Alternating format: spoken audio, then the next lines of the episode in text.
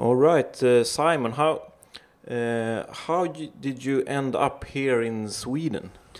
Well, uh, roughly about seven years ago, uh, me and my business partner Jono, another New Zealander, uh, we had been working in London in restaurants uh, there.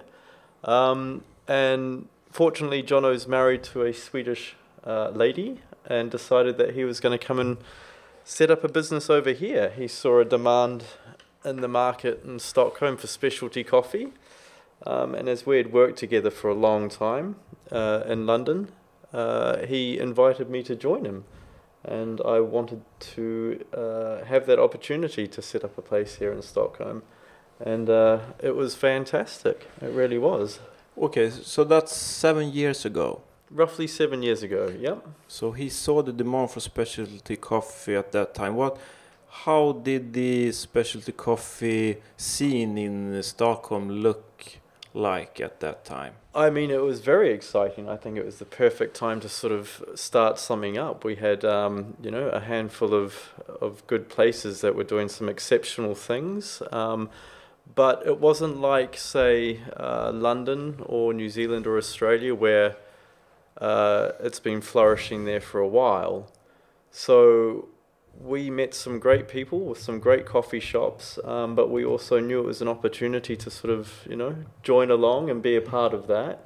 Um, and it was. It was just sort of in its infancy, and people were doing some great things. So, so what what did Kura contribute with when you started? Well, we decided that we were going to bring um, a focus on a very sort of Australasian style coffee shop. So not only were we working with the specialty coffee, uh, mainly with espresso, but we were also sort of offering um, a, a, sort of a, a, full lunch breakfast menu with um, an emphasis on healthy uh, food, healthy smoothies, um, but also just the general hospitality that comes with being an Australasian coffee shop. You know, we wanted everybody to feel warm, welcoming. We had our own sort of uh, music that we helped uh, create the atmosphere, the ambience. Um, so it was a package of a few things. You know, not only the the coffee was important to us, but the fact that people could come to a welcoming, you know, uh, ambient place and get you know a good quality product when it came to coffee and food and you know various smoothies and stuff. Yeah, uh, I I myself I remember that time. You know, I was a uh, regular at your place. Absolutely. Uh, I traveled, you know, over the. Uh, I live at Söder, but I traveled an, anyway to St. Eriksplan, and I must say that uh, uh, I was uh, astonished about with that every people that came in, you know, everyone felt like you know they were they were your friends or that was know. exactly what we wanted to create. The whole idea uh, behind uh, kura which is a new zealand uh, name uh, it means to educate and you know to, sh- to show. Um, but also the interior of the place uh, we sort of modeled it on what we call a new zealand bach and a bach is i guess the equivalent of a swedish summer house. So the idea was for when people came in, they felt like they were coming to sort of maybe a holiday place where they could relax, they felt welcome. Um, and that was the, the atmosphere that we really sort of strive to have people coming in. But not only that, I think it's just, um, you know, I mean, it's our job. We, we're, we work in hospitality, so, you know, we want to be hospitable, but we also want to build up our clients as friends also, and you know know that we can rely on them to come and see us, and that's how we wanted to build the whole place up. You know. So. Uh, how uh, how do you see the the uh, Stockholm uh, specialty coffee scene now today, seven years later? Have uh, have has it changed in that direction that you that you started seven years ago? I think uh, I would like to think that Kura had a little bit of influence in the way that people are starting to, to set up. But not only that, I guess, you know, there's there's always that that flow of uh, other influences, you know, maybe from London, Australia, New Zealand coming into Stockholm now. Um, I think there is more focus on sort of a, a better quality product when it comes to the coffee. Uh, I, I see food menus now developing, so people are actually doing a little bit more uh, variety in their in their food. Um, but the specialty coffee scene, I, I still, you know, I think it's a real shame because in the same time that we opened and closed, we did see some other great people open and close. Um, I think, unfortunately, specialty coffee here might be sort of seen as one of those trend things. Um, but I also like to imagine, and also am seeing that people are investing a lot more interest in it now. Um, there's new developments in the way that we brew coffee now, uh, which is great to see people buying new equipment, getting people in. Um, so I would hope that it's still flourishing, um, but unfortunately, uh, it's it's from my my observation, more places close than seem to open at the moment. Um, but I just hope that that's just sort of a a downturn in this period, and that Yeah. we'll, we will still strive. I mean, the, the the great thing is that there's some amazing places that still exist, and they're still doing some amazing things with coffee, you know, here.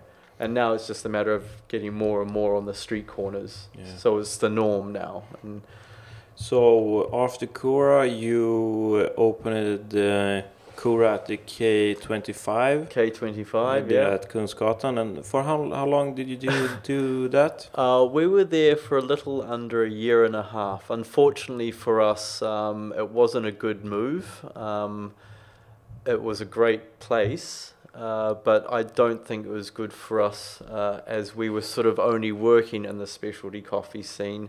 And to go into a place like that, I think we needed to be selling a little bit more than, you know, the, the 200 cups of coffee a day. I mean, we got great accolade again for what we were doing, but unfortunately, I think it was just a bit too much of a, an expensive move for us to Mm. make. And after that, you uh, what did you do after K25? We closed Kura um, again, unfortunately, but I think it was a a good time for for us to do that. We started having young families that we wanted to look more towards, um, and I think it, it was about time that we sort of got into well-paying jobs because you know as a small business owner in Stockholm, especially one with working in specialty coffee, uh, you can sort of see it's all passion and not much financial reward. So um, I ended up working for Snickarbacken Cafe, um, who also own Cafe Verkit, and have been managing their space for just over two years. And we're looking at opening a third place, uh, hopefully sometime in the next few months. Right, that's uh, news. News. It is Yeah. news. Yes. Um, yeah. There's going to be obviously a good uh, emphasis on the coffee, but we're also looking at doing sort of tappers and an alcohol license now. So it's a bit sort of more uh, food driven. Um, Right.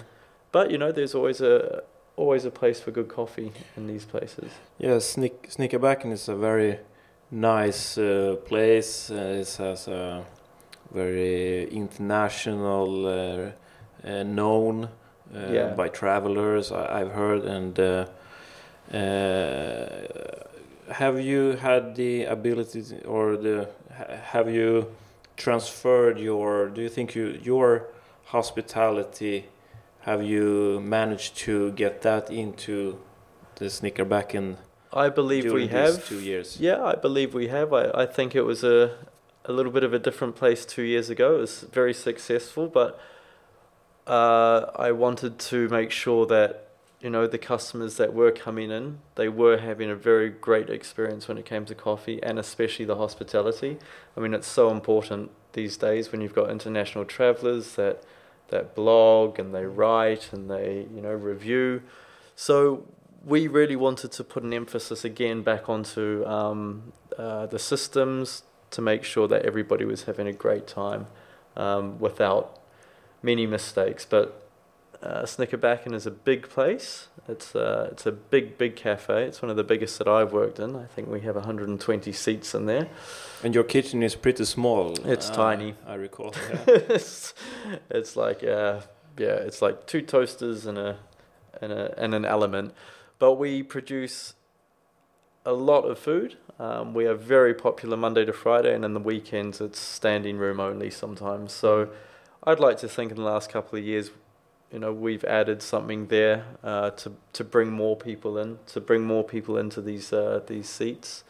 Um, but as you mentioned, we are very sort of well known within the international guides, um, and luckily, fortunately enough, um, I think a couple of months ago we had uh, Adam Goldberg from the blog A Life Worth Eating and also Drift Magazine, which is a huge, beautiful coffee table magazine. Um, and they've just done a piece on Stockholm, so we look forward to being in that um, issue when it comes out. Okay, so Adam Goldberg, have he posted on his blog, or, or is it something that isn't published yet? Uh, it's not published yet. No, the, the it's actually a beautiful magazine um, that is available here in Stockholm. Um, but we and I think Cafe Verket, our sister cafe, we we've been uh, mentioned and photographed in it. It is absolutely fantastic. But really but is. can you accommodate more guests? Do you do you need more guests at Snickarbacken? We're pretty full most Yeah. most of the time. You know, I mean, we turn tables pretty quickly, pretty well. Um, but you can sort of imagine in the weekends as we're working within the specialty coffee, and we need our coffee to go out well with our espresso machine. You know, a good coffee should mm-hmm. take anywhere between a minute to a minute twenty. We're sort of getting to that point now where it's you know there can be a little bit of a wait on the coffee, but we will always let our customers know but as long as they're, they're getting a great cup of coffee, you know, we're we're more than happy to cater to all those people. You know. Yeah, I I, re- I remember what a blog post from Adam Goldberg did to Cafe Esaias Yes. a couple of years ago. Yeah. I think they were top three or top or the fifth best in the world. Exactly. Yeah. Since then, you know, they were fully packed. Yeah. Exactly. So, So, I mean, knows? when he writes something about us, uh, and we're in this magazine, I mean, you know, again, it's another great sort of accolade to to have uh, a part of uh, to be a part of this. Um, but we're we've been in a few magazines recently, and you know, even before I started there, they're pretty notorious uh, in Monocle magazine, which is huge. Um, so yeah, I mean, the, the building itself you've seen, it's absolutely fantastic, and I think that's a big draw card for people to come there and sit and relax in this atmosphere, which is a beautiful old stable with an art gallery in it, and it's it's unique to Stockholm. So I mean, if we can offer them great coffee and great food and great service while they're enjoying this space, you know, I think that's a bonus for us. So uh, let's move on to your new place. It's a couple of months Yep. away. Uh, what can you tell us about that? I can't tell you too much about it to be honest, because we've only just started ripping round, uh, ripping down the walls. Um, But you need okay. You you will focus more on food and perhaps it's more food and alcohol. alcohol, but you know we'll always make sure that people get a, a good cup of coffee. So um, what what will your coffee setup? I be, think you know? basically we'll be working with uh, mainly espresso and just like a batch brewer. Mm. We won't be doing the V60 or the Chemex uh, there. Um, as I say, it's going to be more of a brunch place, so there'll be a lot more work on the food side and the service side, and obviously we'll just want good quality espresso and, and batch. Yeah, I've seen there's you know many restaurants that are opening now. They do breakfast, lunch, brunch, and even evening, and you know open Yeah. until late. Yeah, So will this be like a exactly. from seven to eleven or? I would say, yeah, I would say there'll be certain days where we'll probably have quieter sort of evenings, uh, maybe close a little earlier.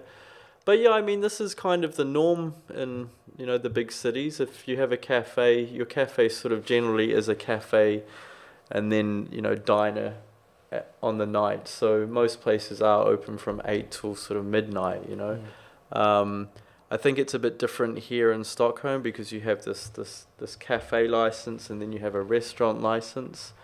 But most places that I've worked in, most countries that I've worked in, you know, we, we're a little bit more flexible with that. So the cafes can sell alcohol. They can, you know, sort of do heavier cooked meals during the night. And this is, I think this is what um, the third place will sort of gear itself towards. And not only that, I see more and more places thinking like that also. Some new places that are opening up in Stockholm have that sort of mentality too. So, uh, do you have a name for this place? Not Not yet. yet? No. Ad- address? Um, Saint Eric's Plan. Yeah. That's that's the best I can say at the moment. All right. I will not push you more. Have you any name suggestions yourself, Anders? Uh, well, I have a lot, so they will come off, off after the interview.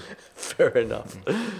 So um, you have been here in the uh, Sweden uh, coffee scene for, like I said, seven, Seven years, years. now. Yeah. Uh, what do you think about the future? Do you? Uh, I interviewed uh, another colleague here, uh, Dan Stenqvist from Solde Café Mm. Roastery in Malmö, and he said, "Well, the espresso is coming back." Yeah. Personally, I think you, know all we are strongly on on brew coffee, on filter coffee. What uh, what do you say? Well, yeah, I think it was interesting, you know, a couple of years ago in Sweden, um, I guess it was a lot of, it was obviously filter coffee, and we had our Italian style espresso places. But then the moment that we started getting into the specialty coffee, you, you started to see that people took more care in their espresso and they were using better quality espresso. Um, and you know, I think it's about time that it sort of comes back. I also think that, you know, owning a cafe and also visiting cafes, when we're doing the V60 and the Chemex, you know, it takes a little bit of time and um, maybe people are starting to think that they don't have that much time anymore. And if they can get a really good espresso, then that's kind of what they want. I think it's always great to have a balance in places where you can have a really nice uh, V60 or Chemex. But I also think what uh, people are finding, uh, business owners also, is that when you do offer these things, you know, it is another staff member that is required to potentially do it in the busy times. Um, and if you do just focus on like good quality espresso, that really is just one person pumping out the coffee. And as long as it's good, it's easier.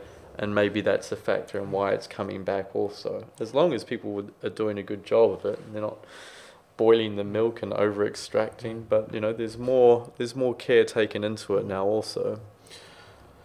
Uh, where do you find your inspiration in the coffee industry? I think, I mean, I started out in coffee nearly 22 years ago in New Zealand. Um, and I mean, the coffee scene in New Zealand and I guess Australia at the same time, I mean, it was just, it was massive. You know, we, we have, most cafes were roasting their own coffee on site. Um, al- already two, 22 years ago. 22 years ago, yeah. Yeah, exactly. Yeah, it's a long time. I don't know if specialty coffee was available here at that time.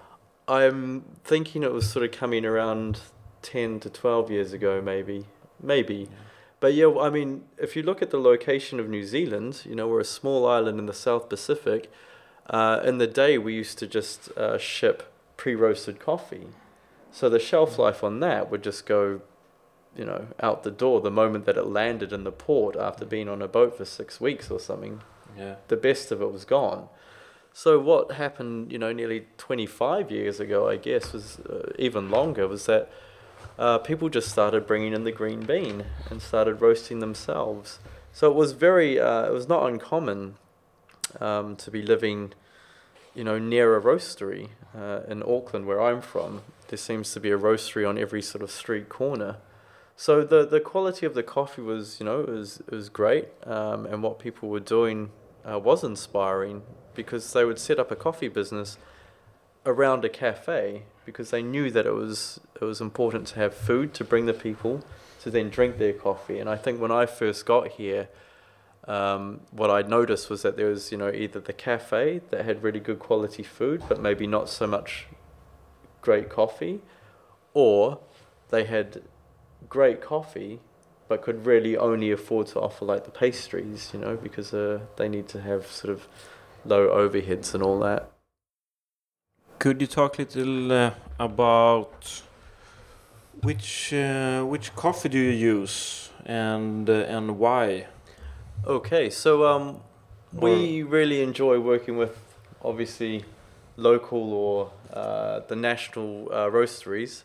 So at Snickarbacken uh, we work with Stockholm Roast, who are based out in Jordbro. and uh, they supply us predominantly with the espresso, um, which is a three Brazilian bean. So it's um, yeah, it's a nice sort of chocolate, raw cocoa sort of feel, which uh, isn't offensive to our customers. Uh, you know, it's across the board, as we say. It's safe and it's great. Um, and we also get some single origins from them, uh, the Kenyans, Ethiopians. And we also use uh, Per Nordby, who's based in Gothenburg too, um, and he supplies us with a lot of the African coffees also. so Um, you are actually a multi-roaster yeah, we shop. we would like to um, expand also. Uh, we are going to look more into developing um, more roasteries and involve more roasteries uh, in the, the coffee shop so we can uh, showcase um, the single origins from a few Mhm. roasteries through our V60 and our Chemex and our batch brewing. Yeah, I've, I've, been um, seeing that that's uh, also a trend to not focus on one roastery, that you are a multi roastery, that you have uh, different roasteries to choose from. Yeah. Why, uh, why, why do you do like that? Well, if you want my uh, personal opinion, um, I prefer working with one roastery, um, two at the most. But I like it because we can work one on one with the roaster. We get more education. We can give more education to our uh, employee um, employees uh, if we work in that way. We can also do it when we have multiples, but sometimes I also feel it, it becomes a bit too sort of much, a little bit overwhelming. Um, but it's not to say it's it's a bad thing having more more uh, coffee roasters. I mean, we still get to enjoy various coffees from different places, and um, you know we educate ourselves also.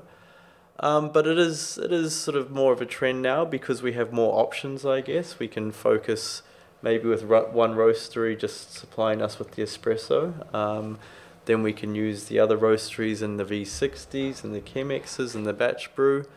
Um, and it gives our customers uh, more option and more choice. Um, Yeah, and uh, I've seen some some coffee shops have a lot of international coffee too. Yeah, we um, do that also. Um, it's a little bit uh, tricky when you're trying to sort of maintain a quality, a freshness quality. So we try and keep it very limited. We sm- uh, buy small batches, and you know we obviously try and uh, promote them and sell them quickly, so the customer gets the best at the time. Um, we don't ever really want to go overboard by ordering kgs from London and kgs from Australia because, you know, as I say, we want to maintain some sort of quality. And if your customers are trying various other different things, um, they can obviously sit on the shelf for a little bit longer than, than we want. But we have had some amazing coffee. We've had some great um, coffee from Berlin, obviously. Um, uh, London, we had Climpson's and Sons for a little while, which is fantastic. Um, and I think when we had Kura, we also had Proud Mary, which was an Australian roastery, which is going through the roof right now. And we're very, very lucky to have them. Right. So, uh, uh, thank you very much, and good luck in the future. And also, I hope to talk to you soon again uh, when your new place have opened. So, just uh, uh, where can uh, people out there find you and uh, Snickerback? And So Snickarbacken Cafe 7 is in Hötorget, uh, in the centre of Stockholm. Beautiful old stables. Uh, we're there. Uh, any Instagram or where where do they connect to you well, we have without uh, going there? we have the Snickarbacken um, Instagram account, so you can hashtag Snickarbacken Cafe. Um, we have our Facebook page, which is Snickarbacken7, and we also have the website, um, which I believe is just www.snickerbacken.se. All right, that that's it. That's it. Thank you very much. Thank you, Anders. Oh, I hope that works. I hope you